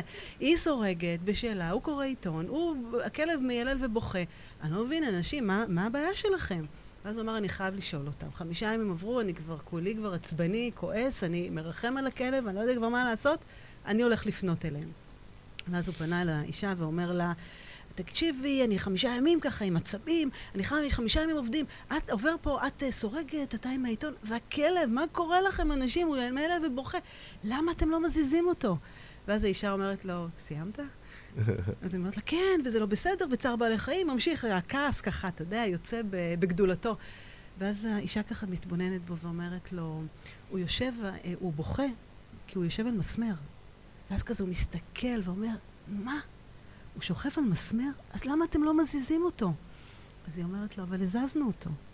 אבל הוא חזר בחזרה. כי פה, על המסמר, קל לו לקטר ולהגיד לו, טוב לי, קשה לי, אני לא אוהב את מה שיש פה, אבל אני מכיר. ללכת למקום אחר זה מקום חדש. אני לא יודע מה יהיה כן, שם. זה, זה מקום שדורש ממני להעיז, זה דורש ממני להתמודד עם פחד חדש, עם אומץ. אז אני מעדיף לחזור את למסמר. הישן והמוכר. ולכאוב ולהיות כן, שם. כן. עכשיו, תחשוב, אמיר, כמה אנשים, וואו, נתקעים המון, המון, על המון המסמר הזה. נתקעים על והם המסמר יודעים הזה. שהם על המסמר הזה, כן. אבל אין להם את האומץ לבוא ו- ולהעיז לעשות משהו אחר, נכון. שכמו שאתה אומר, ברגע שעשיתי את, ה- את הקפיצה הזאת מהמטוס, פתאום פתח לך כל כך הרבה דלתות. עכשיו, זה לא אומר שלפעמים זה טוב או רע, כאילו, אי אפשר לדעת, אבל עד שלא ננסה, לא נדע. א', אי אפשר, בלי לנסות לא יודעים, וב', כן, זה המון המון אנשים אה, מפחדים מה, מה, מהלא נודע הזה, מה, מה... לא מחליפים עבודה בגלל זה. נכון. לא טוב להם בעבודה, אבל הם לא מחליפים את העבודה כי הם לא רוצים עכשיו ללכת לראיון, ואולי הם יקבלו דחייה, נכון. ואולי יהיה להם בוס יותר גרוע ממה שיש פה, ו... אז אומרים, יודע, עזוב, זה- אני מכיר את מה שיש לי פה, זה לא טוב. נכון. אני לא מרוצה, אני לא אוהב את הבוס שלי, אני לא אוהב את האנשים שאני עובד איתם. אבל אני לפחות יודע, בבוקר כשאני מגיע, אני יודע למה אני בא. בדיוק, יש לי את הזה, אני יודע למה אני מצפה. כן. אתה יודע, זה המקום של uh, הרבה חרטות. ואני אומרת, uh, חרטה, אחרי שאתה יודע, עוברים עוד 20 שנה ואני כבר לא יכול לשנות דברים, אני לא יכול לחזור אחורה בזמן ולשנות כן, עבודה, כן. זה המקום של הפספוס, זה לגמרי. המקום שבאמת, uh, תמיד יש מה לעשות דרך אגב, אהלן אה, יפעת, תודה. אבל זה, זה באמת שם, כן. נכון, נכון, וזה זה ידוע שאנשים מצטערים הרבה יותר על הדברים שהם לא עשו, מה שנקרא החרטה, נכון, מאשר על הטעויות שהם עשו. בדיוק. בחיים, הרבה הרבה יותר. נכון, אז, אה, אז אל תגיעו לחרטה. נכון. ואם כבר הגעתם, צאו מאזור הנוחות. ואם כבר הגעתם, הכל. בסדר. תסלחו לעצמכם, בדיוק. מה שהיה היה, אי אפשר לחזור אחורה, אי אפשר להתווכח עם המציאות. בואו תראו מה אתם יכולים לעשות הרבה יותר טוב. אז uh, דיברנו על שלושה דברים, אחד, שתיים, שלוש, שצריך לעשות. אני רוצה קצת uh, לקחת אותך לכיוון אחר לגמרי. כן. ב- ב- באמת חז... קצת יותר uh, עם, עם דגש עסקי, אני חושב, מהמם. um, עולם המוטיבציה. כן, כן, כן. אה, סליחה, כשאנחנו עושים טעות, כשאנחנו בכאב על משהו, דיברת על הקנאה והאגו וכל הדברים האלה שמתחברים לדבר הזה. תוקעים את המוטיבציה. איפה זה תופס אותנו בעבודה ובעסק? ולפעמים, אה, אם, אם, הם פח, אם הם יורדים בעוצמה, אז, אז כן יש מוטיבציה. איפה, אתה יודע, איך במקומות מחברים עבודה, את זה, איך אני, עושים את זה? אני נמצאת הרבה במקומות עבודה ואני מדברת על נושא של אה, אינטריגות אוקיי. וריבים וכעסים. ואתה יודע, אם אנחנו לוקחים את זה באמת למקום עסקי, זה יישוב סכסוכים. זה, לגמרי. זה באמת אפילו למקום שבאמת יש לגמרי. קונפליקטים. כן, כן, איך אנחנו- שותפים שנפרדים. בדיוק. איך אנחנו פותרים קונפליקטים, אבל תעזוב, בוא נדבר על הדברים הכי הכי פשוטים. אם אני מדברת על מקומות עבודה, אז זה באמת מקום שיושבים שני אנשים באותו דרגה, ומגיע לקוח מאוד מאוד חשוב מסין. מי פותח את הישיבה? אוקיי? והוא אמר כך, אבל זה המצגת שלי. ואז מתחיל פה אינטריגות, והאגו, והקנאה, אה, אבל והריבים. הוא לקח לי את הזה, והפאנץ' שלהם, אני צריך להגיד, והוא, וכן. היה לי מקרה של אה, שני שותפים, שבאמת חיכו ללקוח מאוד מאוד גדול. הכינו, פרז... אחד מהם הכין פרזנטציה מאוד מאוד גדולה, והאחר היה צריך להגיע והתעכב. התעכב באיזה פקק מאוד אה, זה, באמת, אתה יודע, הכביש נו. וכולי וכולי. כן. והוא הבין שהוא לא... סיטואציה ישראלית קלאסית. והוא הבין שהוא לא, לא יצליח, והדיסק און קיי היה אצלו, הוא עשה תיקונים וכולי, אבל היה גם ב, במחשב, אה, במשרד שלו, היה באמת את, את אותה מצגת, והוא ביקש מהשותף שלו אה, להעביר את זה באמת לחדר אה, ישיבות, ולהתחיל, להתחיל okay. את אוקיי. הישיבה עד שהוא מגיע. ואותו שותף נכנס לחדר, למשרד שלו, ותוך כדי שהוא ככה פותח את המחשב ובודק את התיקייה ומסתכל, אשתו מתקשרת אליו ומספרת לו משהו שקרה עם הבן, ש, שבאמת, עם הבן שלהם שפשוט זעזע אותו. אוקיי. ובלי לשים לב, הוא פשוט, במקום לעשות העתק, עשה דילית. וואו. ו... ואז הוא לא ידע מה לעשות, ולא הצליח לשחזר, ואתה יודע, הדואר זבל וזה, כלום לא עבד. מכיר את זה שבזמן לחץ אתה לא כן. רואה כלום, שחור בעיניים, אין שום אפשרות, אף אחד לא יכול לעזור לך. ואותו לקוח הגיע, ולא הייתה מצגת, והוא בכלל התעכב, התעכב. ובסופו של דבר אה, היה באמת בעייתיות פה, והלקוח אה, לא קיבל את מה שהוא רצה, וכולי כן. וכולי. ואז אותו בן אדם שהתעכב, בא עם כל הכעס שלו, ובא והתחיל לצעוק עליו, ולצרוח עליו, זה בגללך, ובגללך. עכשיו, יותר. מזה, התחשבנות. כן. פתאום בא ואומר לו, ויש לך ריח לא טוב בפה, ואתה ככה, ועשית, לא, אתה מבין, דברים שבכלל, בכלל, בדיוק, במקומות אוקיי. כאלה, אוקיי? עכשיו, אני אומרת, זה מקרים כאלה ואחרים שמורידים מוטיבציה בארגון, לאו דווקא אם אתה לא מעורב באמת במקרה כזה או אחר, אבל לגמרי, אתה רואה את הסכסוכים האלה, אתה רואה את, ה, את כן. החוסר הבנה מה המטרה המשותפת שלנו פה. ואז אתה באמת מוריד את המוטיבציה, ואין לך נכון. כוח, לא בא לך להתעסק, אתה לא תיכנס הרי למיטה, זה, זה ממש להיכנס למיטה חולה, אתה כן. מגיע למקום שלא טוב בו. כן. עכשיו, זה במקומות עבודה. עכשיו, אם תיקח את זה לעסק הפרטי שלך, אוקיי? ואתה עכשיו, נגיד, רוצה, יש לך תכנון שבועי, לא עמדת ביעדים. תעזוב שבועי, אנחנו עכשיו 2020, עוד רגע, עוד רגע 2020. עושים את החישוב. מה קרה, מה היה, עושים את החשבון נפש שלנו, לא עמדנו ביעדים שלנו. וואי, איך זה מוריד לנו את המוטיבציה. מאוד. מה יהיה ב-2020? אם לא הצלחתי כן. עכשיו, זה אומר שאני לא אצליח אחר כך. מה? כן. איפה, איך אני באמת עכשיו כל מבין? המחשבות האלה של בטח. בדיוק. הנה, והשנה, ועשיתי הכל כל כך טוב, וזה, לא- ועדיין לא הגעתי, אז מה השנה הבאה, אה, בכלל יהיה לי יותר קשה, ואני עוד יותר לא אצליח. ו... לגמרי. וזה מוריד אותנו. זה מוריד אותנו, ואפילו יותר מזה, זה, זה, אתה יודע, סוג של, אה, אם אתה לוקח בקבוק מים וממלא אותו עד הסוף, אין לך בכלל מקום לחשוב על דברים חדשים. כאילו, המוח שלך אטום. היצירתיות שואפת לאפס. כאילו, אם עכשיו תחשוב, רגע, אז ב-2020 אולי אני אעשה מוצר חדש. איפה, איפה בכלל הראש לא פנוי בכלל להכיל ולחשוב לגמרי. מי הקהלים, מה כדאי, מה... לא בא לך לעשות שום דבר, בא לך להיכנס למיטה, לשים תפוח וליילל ולבכות, אפרופו המסמר, כן. אוקיי? וזה בדיוק המקום של החוסר מוטיבציה. וזה המקום של לבוא ולהעיז לצאת מאזור הנוחות, או הנכות, איך שקוראים לו, כן. ולהבין, אוקיי, זה מה שקרה. אפרופו טעויות, זה מה שקרה. בואו נבין מה היה פה. למה לא הגעתי ליעדים? יכול להיות שהיה לי פה עניינים אישיים שתלויים בי ולא תלויים בי, ממש לעשות טבלה כזאת. Okay. מה אוקיי. תלוי בי, מה לא תלוי בי. מה שאתה לא תלוי בי, זה, אתה יודע, כן.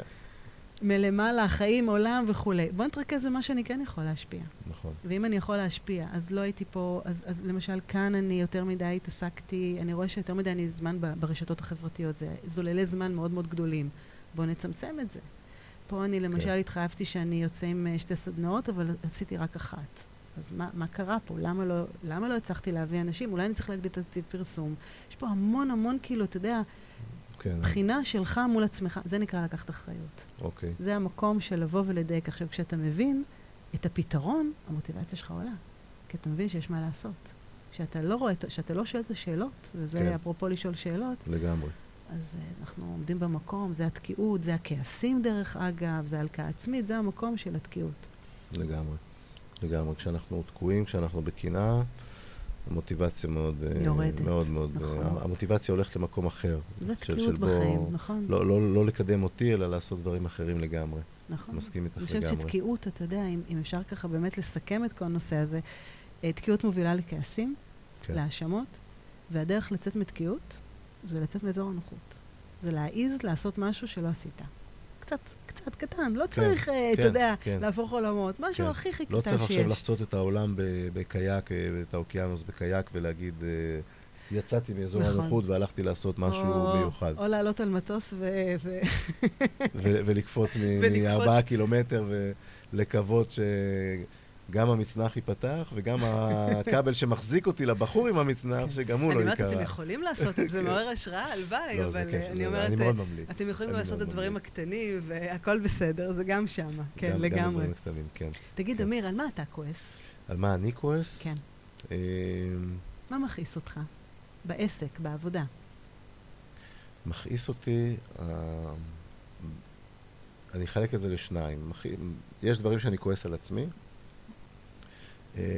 אם זה דברים שקשורים לפעמים בניהול זמן, שאני פתאום מוצא את עצמי לא, לא עושה דברים ש, שתכננתי כי קרה א', ב', ג', וזזתי עם עצמי לכל מיני מקומות, וזה זה בצד שכאילו, שאני מסתכל דברים ש, שאני כועס על עצמי. ויש הרבה דברים לפעמים שמכעיסים אותי בדברים שהם קצת פחות תלויים בי. אני מנסה קצת לשנות אותם בממלכה ש, של, מהסדנאות, מההרצאות ומהרדיו, זה השפה. השפה Mm. שאנשים משתמשים בה. מאוד מאוד מטרידה אותי, עשיתי על זה, אפילו באחת התוכניות הקודמות דיברתי על, על השפה הזאת ב, ב, ב, בהיבט העסקי של, אני לא, תן לי דוגמה, אני, כמו אני, מה אני, למשל. אני לא מדבר על שפה מלוכלכת ברמה, ברמה של אה, אה, קללות והעלבות ודברים כאלה, זה נורא מעצבן אותי, אבל כאילו, זה, זה באיך, איך אמרנו קודם, מי שרוצה לקלל, שיקלל, זה שלו, זה כאילו, ככה הוא... אז מה זה השפה זה- העסקית שמרגיזה? השפה העסקית ש, שנורא נורא מרגיזה אותי, זה שאנחנו מורידים את הציפיות, ואנחנו אה, עסוקים בלהתלונן על הסביבה כל הזמן. וסתם, הקבוצה הזאת של שולמן היא, היא דבר כל כך אה, חי, והיא כל כך מדברים על זה, ובשני לינואר הפגנה בכיכר, ובחירות לכנסת, אז מדברים למי נצביע וכאלה. יש שם המון המון רעש והמון המון תלונות, כי יש בארץ כמה מאות אלפי בעלי עסקים, שאת רואה את התסכול שעולה שם, את מבינה שקשה מאוד ומתסכל מאוד, אני לא הייתי צריך את הקבוצה בשביל לדעת את זה, כי אני 14 שנים מלווה עסקים, רמה מאוד מאוד גבוהה של תסכול. ו- והרבה מזה מגיע לשפה של... שמישהו יבוא ויעזור לי. זה הגיע למ- למצב שמישהו כתב איזה פוסט על ההפגנה בשני בינואר, ואת רואה את התגובות, ואת מבינה מהתגובות שאנשים... כן, איך זה שאנשים לא יוצאים, ואיך זה שאנשים לא יוצאים, בוא, קודם כל בוא אתה תצא. כשאני לא הולך לאיזושהי הפגנה, אז אין לי זכות לבוא לאחרים בטענות למה לא באתם. נכון. ואיפה הכוח שלנו, ואיפה זה, כאילו, אני צריך לחכות שמישהו אחר יבוא וילך להפגין וידרוש בשבילי דברים, אם אני לא עושה אותם? נכון. השפה לגמרי. הזאת היא של וזה הפך להיות כל כך, כל כך... אה, אני לא, לא, לא יודע לשים את האצבע מאיפה זה הגיע, ממקום של אנשים לא רואים מעבר לקצה האף שלהם, לא מעניין אותם מעבר לקצה האף שלהם. הם רואים את האחרים ולא רואים את עצמם. הם דואג, לא... לא, אנשים כאילו דואגים לעצמם, ואומרים, אוקיי, אני, אני עושה מה, ש, מה שאני צריך לעצמי, ואת שאר הדברים שמישהו אחר ידאג לי. מישהו אחר צריך לקחת אחריות ולטפל בזה. ודיברנו כן, קודם כן על לקחת אחריות. נכון. אז, כן. אז זאת אומרת, אבל הם כן מאשימים, אתה לא בסדר והוא לא בסדר, ולמה אתה לא יוצא נכון. וכולי, אבל אני עם שלי, לי כן, אין את הזמן. אני, אני, אה, יש לי, את ה- אני עסוק עם הילד שלי כן. עכשיו, אני זה, אני פה, אני שם. אז אני גם לא, לא מגיע לכל המקומות האלה, בשני בינואר אני במקום אחר, אני גם לא אהיה בהפגנה. אני, אה. לשמחתי הצלחתי ל- ל- לשים את היד על כרטיס לאירוע של אה, TEDx. בסביון, שאני הולך לשמוע הרצאות. מטורפות, אבל אה, אני לא מחליף את זה בשום, אה, בשום אירוע שבעולם. אני מוותר על משחק כדורסל של הילד שלי בשביל להיות שם, כי, כי האירוע הזה קורה רק ביום הזה. אה, וכן, גם שם עשיתי עם עצמי איזשהו מין סליחה פנימית כזאת, כי המשחקי כדורסל של הילד שלי הם הכי הכי הם הכי חשובים לי ב- חשובים, ב- בעולם. אוקיי. אז הייתי צריך לוותר ולהגיד לו שאני לא אהיה במשחק, וזה זה, היה לי שם איזה משהו פנימי כזה שהציק לי, אבל אה, כן, אז אני, גם אני לא מגיע לכל האירועים, אבל אם אני לא יכול להגיע לאיזשהו מקום, שאני מחליט שאני להפגנה הזאת לא הולך, כי כן. קר לי ולא בא לי לצאת מהבית, אני לא מעז אחר כך לבוא בטענות לאחרים, למה לא, למה לא באו אנשים, ולמה אתם לא עושים, ולמה... אני כן. קודם כל, והשפה הזאת של אוקיי. להאשים את האחרים כל הזמן, וזה קורה, ל... אני שומע את זה מאנשי עסקים כל הזמן. נכון. מאשימים את המדינה, ומאשימים את מס הכנסה, ומאשימים את ביטוח לאומי, ומאשימים את שר האוצר, ומאשימים את שר החינוך בזה שהילדים לא לומדים בבית ספר. מה, אתה- מאשים את שר החינוך, מה אתה עשית? היה איזה תכתובת בקבוצת, אה, בקבוצה של ההנהגת הורים של הבית ספר שלנו לא מזמן, ומישהי כתבה משהו על מורים. עכשיו, אני, בעוונותיי, עומד מול כיתות. איזשהו אלמנט התנדבותי שאני עושה מדי פעם. עשר שנים אני כבר עומד מול ילדים בכיתות ו', הראשונים כבר גדלו כבר מזמן לא בכיתה ו', ומעביר שיעורים בחינוך פיננסי. ואני יודע מה זה לעמוד מול כיתה. מול... אני יודע, יש לי מזל, אני מגיע לבית, לבית, ספר שהכיתות הן יחסית קטנות, 25, 28 ילדים, אבל אני מתאר לעצמי מה זה לעמוד מול 40 ילדים. Hmm, כן, מכירה את זה. שלא ממש בא להם להיות שם. נכון, בא להם לשחק בחצר עכשיו בכדור. נכון. ומישהו אמר להם, תשבו פה עכשיו 45 דקות עד הצלצול ותקשיבו לאיש הזה. ואני צריך לעניין אותם, ואני צריך לחדש להם, ואני צריך זה, ו... נכון. ואני גמרתי את השיעור הזה, אני עובר לכיתה אחרת, ואני צריך לעשות שם את אותו דבר, ולבוא חדש, כי זה ילדים אחרים. לבוא עם משהו אחר, וזה מקצוע אחר, ופה לימדתי תנ"ך, ושם אני לומד שפה, ושם זה... כאילו, לעשות את הדבר הזה שהמורים עושים, זה כל כך לא פשוט. אז כמי שנמצא שם, אז כתבתי בקבוצה אחרת. מי שלא היה בנעליים האלה, אל תשפטו.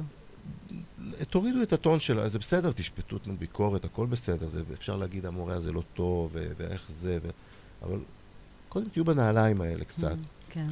ואז דיברנו על זה קודם, לנעלי להסתכל... אחר, כן. בדיוק. תהיה בנעליים של הבן אדם השני קצת. תבין מה הוא קצת. עובר. נכון. תבין מה הוא עובר. אחר כך תבוא ותגיד, אחר כך הביקורת שלך תהיה הרבה יותר לגיטימית, הרבה יותר... זה, אז השפה הזאת של, אני, אני קורא לזה להאשים את האחר, ובאמת בעלי עסקים מאשימים את כל מה שקורה מסביבם. נכון. אבל אתה יודע, אין לנו אפשרות לשנות את זה. אנחנו יכולים להגיד, אנחנו יכולים, אה, אתה יודע... אני, אלה- אני, אני, אני כן מנסה לשנות את זה, גם, גם פה בתוכנית קצת, כי, כי בתוכנית זה, זה one way, זאת אומרת, אני יושב פה מדבר מהמם. ומצלם את עצמי, ו...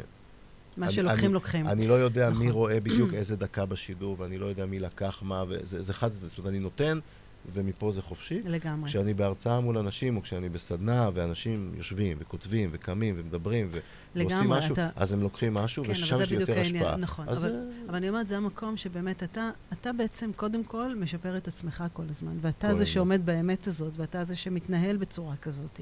זאת אומרת, אתה המראה של עצמך. כל הזמן. וזה זה הדבר, אני אומרת, הכי הכי חשוב שיש. זאת אומרת, הבן אדם, לשנות אנשים אחרים מאוד מאוד קשה. קודם כל, אני אומרת, להתחיל ולשפר את עצמנו. כן, איך ו- אמר גנדי, you, if you want to change something, be the change. בדיוק, תהיה לגמרי. ואנשים. אחרים, או שידבקו בשינוי, או שלא ידבקו בשינוי. בדיוק. זה בדיוק זה. כי אתה יודע, ההאשמות האלה, אני מסכימה איתך, זה, אנחנו, כל התוכנית דיברנו על האשמה והאחריות, זה בדיוק נכון, הנושא נכון. הזה.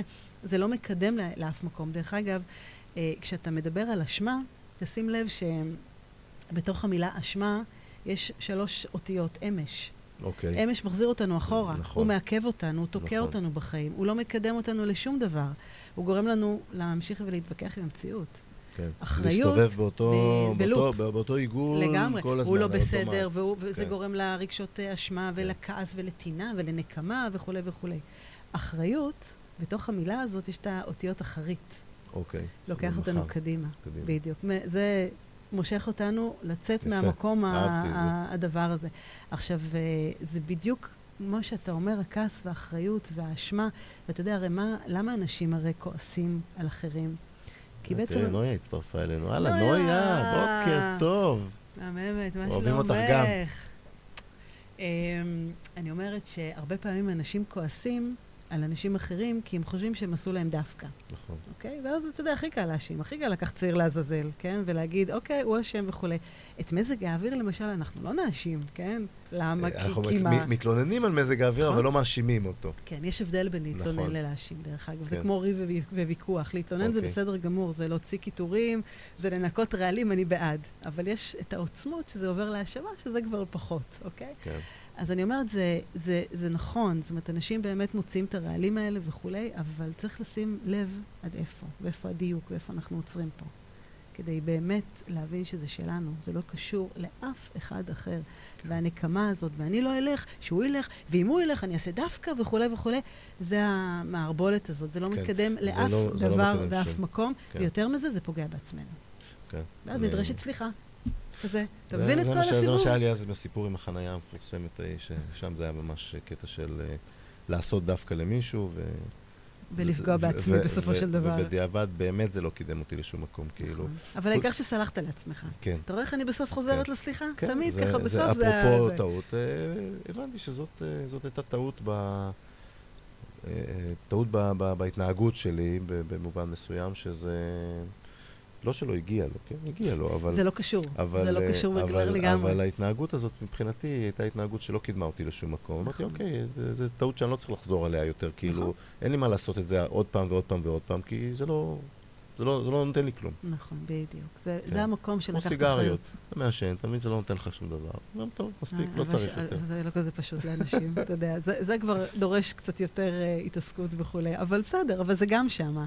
כל עוד זה זה נמצא במודע, ואתה מבין את התהליך שאתה עובר, ואתה מבין כמה חשוב לקחת את השרביט לידיים שלך ולא לתת למישהו אחר לנהל לך את לגמרי. החיים, לגמרי. אז אתה פשוט מפשט אותם ויכול להמריא ולצמוח. אה, דיברנו קודם על הקטע הזה של... אה, אה, גם דיברנו על זה בקטע של לצאת מאזור הנוחות, וגם זה שכשאנחנו חוזרים על משהו זה נהיה הרבה יותר קל ויותר מאומן, ו- לתרגל. וגם בקטע של הסליחה, של שאמרנו, אוקיי, בואו נשים את עצמנו רגע בצד השני, מה, מה הביא אותו לדבר הזה, ונבין, ואז נוכל גם לתת איזה פתרון, וזה הופך להיות יותר קל. יותר... איך מתרגלים את הדבר הזה? איך אתה, דיברנו קצת על ה...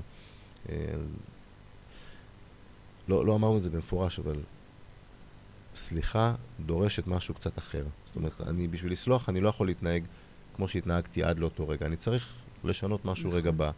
אני, לא. אני לא יודע אם לצאת מחוץ לקופסה זו ההגדרה הכי הכי מדויקת, אבל אני צריך, נכון. אני צריך להסתכל אחרת על הדברים קצת. נכון. קודם כל, אני חושבת שזה עניין של בחירה. זאת אומרת, אם, אם אתה שואל אותי, לפני שבכלל אני נותנת את הפתרון, קודם כל, מה זה, מה זה סליחה? מבחינתי זה בחירה. זה בחירה להסתכל אם אני ממשיך אה, להידבק בפצע ובכאב, או שאני ממשיך, או שאני מסתכל לצד השני, כן. ואומר, אוקיי, יש פה פצע, מה אני עושה איתו? זה לקחת אחריות ולהאשים, זה בדיוק, אתה יודע, ממש אם אתה עושה ככה, ו... ושני קווים כאלה, יש לך אופציה ואופציה, כזה. קודם כן. כל זה לבחור. נכון, לבחור שמפה מסכים. אתה מבין שסליחה תקדם אותך, תפתח אותך, תמריא אותך, תאפשר לך להתנהל בחוכמה הרבה יותר, ו- ותזניק אותך להגשים חלומות וכולי וכולי וכולי, אוקיי? עכשיו, כדי בכלל להתייחס לסליחה הזאת שאני מדברת עליה ככלי עבודה, ולא מדברת על סליחה של יום כיפור, אני חושבת שזה משהו שצריך לאמן את שריר היצירתיות שלנו, אוקיי? עכשיו, אני קוראת לו שריר, כן? כי זה לא באמת שריר, אבל זה משהו, למה אני אומרת שריר? כי שריר אפשר לאמן כן, ולתרגל. כן. זה כמו, אתה יודע, ספורט וריצות והליכות, אתה יכול לאט לאט להתחיל להתאמן ולאמן את השרירים, לעשות ולרוץ מרחקים נכון. גבוהים יותר, ומי כמוך יודע. אז, אה, אז אני אומרת, באמת דרושה פה חשיבה יצירתית. וחשיבה יצירתית זה לגמרי תרגול. זה לאמן את המוח לחשוב אחרת. לא לחשוב על אוטומט, אפרופו האוטומט כן. הזה. לא להגיב ישר מה, מהמותן, אלא רגע, שנייה, יש פה עוד דרך. אתה מכיר את המשפט הזה? אין מה לעשות, אין ברירה. כן. אין דבר כזה, תמיד יש תמיד ברירה. יש ברירה. התאמץ, תמצא, תמיד תמיד כן. יש ברירה. אם ויקטור פרנקל מצא ברירות, תמיד יש ברירה. לגמרי. אה, אחת ההרצאות שלי באמת אה, מתייחסת לחשיבה מחוץ לקופסה, ובתוך הקופסה. תמיד זה בתוך ומחוץ. אוקיי. ואיך לאמן באמת את שריר היצירתיות. עכשיו, הכנתי לך משהו, תרגיל קטן. אתה רואה מה זה? כן. בזמן- בזמן האחרון האורחים שלי מתחילים אה, לאתגר אותך? ל- לאתגר אותי פה ולהפעיל אותי, ו... הנה, אז אני שמה כן. את זה פה, שגם אנשים יראו, זה אוקיי? אותו דבר? זה אותו אותו דבר, הבנתי. כן, כן, לגמרי. אוקיי? אז כן. יש לנו. זה הפוך זה לדעתי. הפוך? זה נראה לי... כן, אה, אוקיי. נכון, נכון, זה אתה צודק. אוקיי. אז רגע, ככה, אנחנו מדברים... אני מסתיר את החנוכיה עכשיו. דליה, מה שלומך? איזה כיף שאת פה. מה זה, אה, מבחן ראייה? לא, ממש לא. אז ככה, אנחנו מדברים על חשיבה מחוץ לקופסה, אוקיי? אנחנו. חושבים באמת איך לאמן את השריר של המוח שלנו לחשוב קצת אחרת. אפרופו אוקיי. הסליחה, ואפרופו בכלל, כל מיני פתרונות אפשריים לבעיה מסוימת, ולא ללכת תמיד על אותו דבר. ופה יש סדרה של מספרים, אוקיי? אוקיי. וזו סדרה של, שכבר אני נותנת לך אה, אה, אה, טיפ, או באמת אה, אה, משהו שיכול לעזור.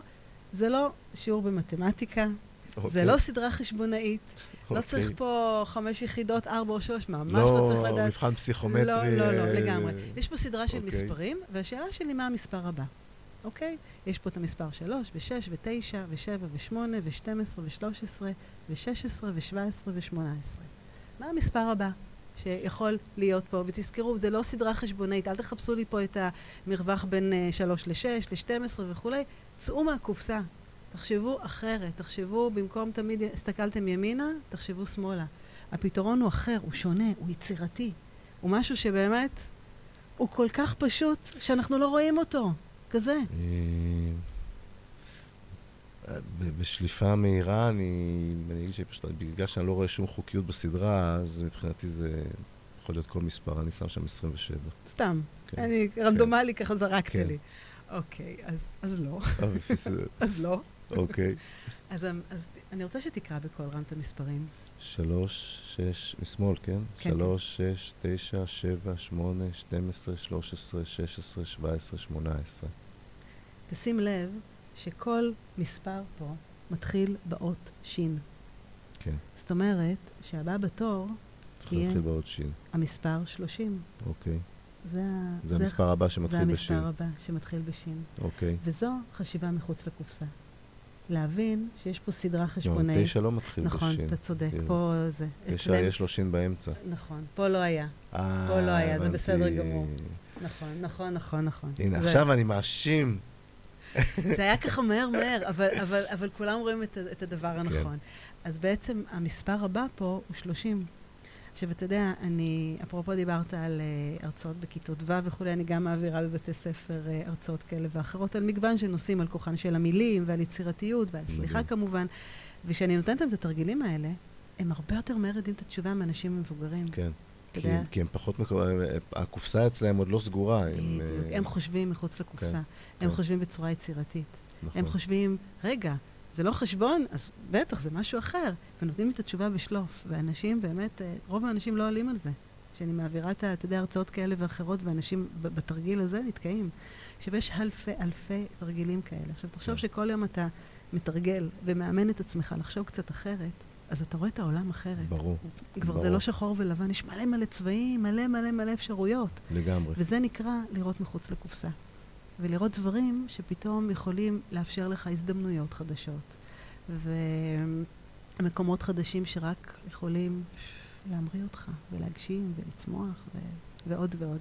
כן, אגו, אגו זה באמת, אה, זה באמת, אני חושב, אחד הדברים שהכי הכי מנהל אותנו. נוגעים לעולם הזה של, ה, של, ה, של הסליחה, לא? כן, זה, כן. כשהאגו חזק נורא קשה לסלוח. נכון, תחשוב על זה שמישהו פוגע בך. מה, אני אסלח לו? מה פתאום? כן, מה זה מוציא אותי חלש? מה, זה מפחיד, הוא את יתאפס הכבוד. עליי עכשיו, יפה. הוא יעשה נכון, לי את זה עוד פעם, הוא יעשה לי את זה עוד פעם, הוא ידרוך עליי, וזה, נכון, ואיך אני אתקדם. בדיוק. ומה עושים כן. בכל זאת? מה אני אומרת לאנשים שאומרים לי את התשובה הזאת? והתשובה הזאת, דרך אגב, בול. מן הסתם שמעת אותה, אלפי הפעמים העתק כבר. הדבק לכל כן. הזה. אה, לסלוח, זה לא אומר שאני מצדיק את ההתנהגות של האחר. אוקיי. זה לא אומר שאני נותן לו לגיטימציה. זה לא אומר שאני חייב להכניס אותו בחזרה לחיים שלי. זה לא אומר שאני חייב להיות איתו בקשר. לסלוח זה אומר שאני מחליט שאני מפסיק להתעכב עם החיים שלי ולהתעסק בכאב הזה, במשקולת הזאת. אוקיי. אני שם אותה בצידי הדרך, כי המשקולת הזאת חוסמת אותי. כן. היא ענקית, היא גורמת לי לעצור, להיות תקוע, לא להתקדם בעבודה, לא להשיג כן, את זה כמו הזוגיות. לנסוע באוטו ולנסות לגרור משאית. בדיוק, כזה. זה, זה, לא, זה לא עובד. אז הסליחה היא בשבילנו, היא לא בשביל אף אחד אחר. ואם מישהו חושב, שיחשוב, זה שלו, זה לא שלי. אם אני יודעת ואני שלמה ואני עושה את זה בשבילי, אז אה, זה משהו אחר. ולזכור שזה לא אומר שאני מצדיק שום דבר. ומה מה, מה את אומרת? אנשים אומרים, אוקיי, אז אני, אני אסלח, ואני אוכל להתקדם הלאה וכולי, אבל יש גם את הצד השני. הצד השני יפרש את זה בשפה שלו, בדרך שלו, והוא יפרש את זה כחולשה, ועכשיו בכל ישיבת הנהלה הוא ייכנס בי, ובכל ישיבת הנהלה הוא יעליב אותי, ובסוף הוא, בסוף אני לא אתקדם בתפקידים שאני רוצה להגיע אליהם, ומה שאני יכול לעשות. שאלה מצוינת, כי זה בדיוק המקום שאני נדבק במשהו שלא קשור בעניין שלי. אם אני שלם עם ההחלטות שלי, ואני יודע שאני עושה את זה בשבילי, כדי להמשיך קדימה ולא להתעכב, אז אני לאט לאט מצליח להדוף את הרעשים האלה. אוקיי. ולהמשיך באמת שלי, ולהיות חזק ועם ראש מורם. זה לא פשוט. דרך אגב, זה תהליך. כן. זה לגמרי לא פשוט, כי הרבה פעמים כשאנשים נפגעים, הם uh, מתמוטטים. אתה יודע, זה, זה פרדות, וזה משברים, וזה כאבים, וזה ממש להרכיב בן אדם כמו פאזל מחדש. הרבה פעמים אני פוגשת אנשים שבאמת שהם מפורקים. שבורים ומפורקים לגמרי, הם איבדו אמון בעצמם, באנשים אחרים, הם נפגעו, אנשים עבדו עליהם, אנשים באמת, אה, הם כן. חשבו שזה משהו אחד והם קיבלו משהו אחר לגמרי.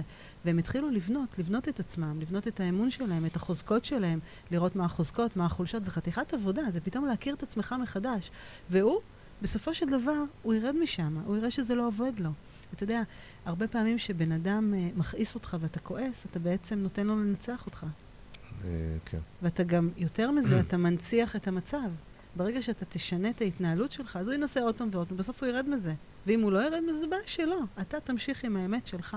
זה לא פשוט, כי זה להתרכז בעצמך ולהבין לאן אתה רוצה להגיע, מה המטרה שלך. האם ההתנהגות הזאת מקדמת אותך או מעכבת אותך?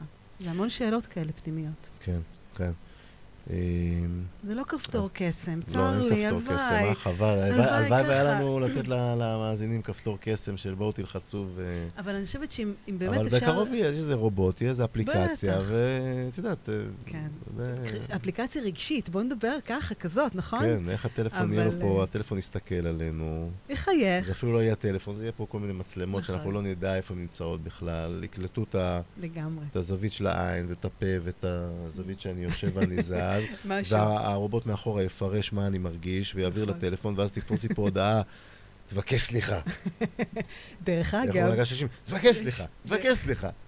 אתה יודע, זה מצחיק, אני, אני עבדתי בעברי במי עדן, ופיתחתי ביחד עם אה, כמובן כל הצוות השיווקי, אפליקציה שמזכירה לך כל כמה שעות לשתות מים. אוקיי. אז הנה, אפרופו הסליחה, כזה, בדיוק כן. כזה דבר.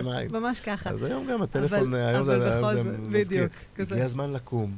עוד לא עמדת היום, תעמוד כמה דקות. ביקשת סליחה פעם היום? כן. כמה פעמים?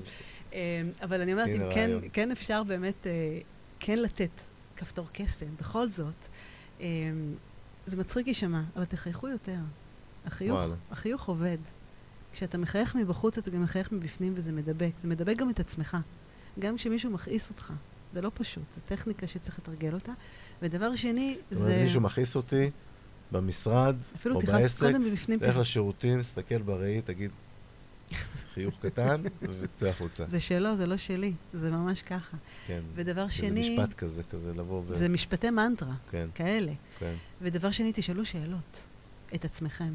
זה תמיד תמיד עוזר, זה מאפשר לנו לצאת מהלופ ומהתקיעות. ולהפחית כעסים, ויותר לסלוח, ולהכיל, וחמלה, וכולי וכולי וכולי, ולהעלות מוטיבציה, ו- ולפתור את הבעיות לגמרי, שלנו. לגמרי. שאלות וחיוכים. אמ, שאלה שאני חייב לשאול, קווים אדומים. יש דברים שאי אפשר לסלוח עליהם, שלא צריך לסלוח עליהם, ש... או שבעולם הזה בעצם אין, אין קווים אדומים, ו... יודעת, מקר... יש אנשים שיש להם באמת, אני, אני, אני לא יכול להביא סיפורים אישיים, כי, כי, כי באמת החיים, החיים שלי הם סיפור בלי סיפור. אני תמיד אומר, כאילו, פעם ששאלתי, התלבטתי מישהו, אמרתי לו, תקשיב, אין לי סיפור טרגי לבנות עליו הרצאה. אין לי. מי אמר שצריך, אז אמיר? הוא אמר לי, הסיפור שלך זה שאתה מצליח בלי שיש לך סיפור מיוחד. הנה, יפה, יפה, ואז- נכון. אז באמת אין לי דוגמאות כאילו מהחיים האישיים שלי של כל מיני מקרים טרגיים. יש לידי כל מיני דברים שקורים, אבל לא, לא לי, טפו טפו טפו. כן. ו... אבל באמת אנשים חווים אובדנים של אנשים מאוד מאוד קרובים, של משפחה, אה, אנשים חווים פרדות קשות, אנשים חווים טראומות כאלה ואחרות מ- מהלם קרב ולא יודע מה, לכל מיני דברים, ויש איזה קווים אדומים שאת אומרת, פה כן ופה לא. שאלה מצוינת. Um, אתה יודע, זה מאוד אינדיבידואלי וזה מאוד רגשי.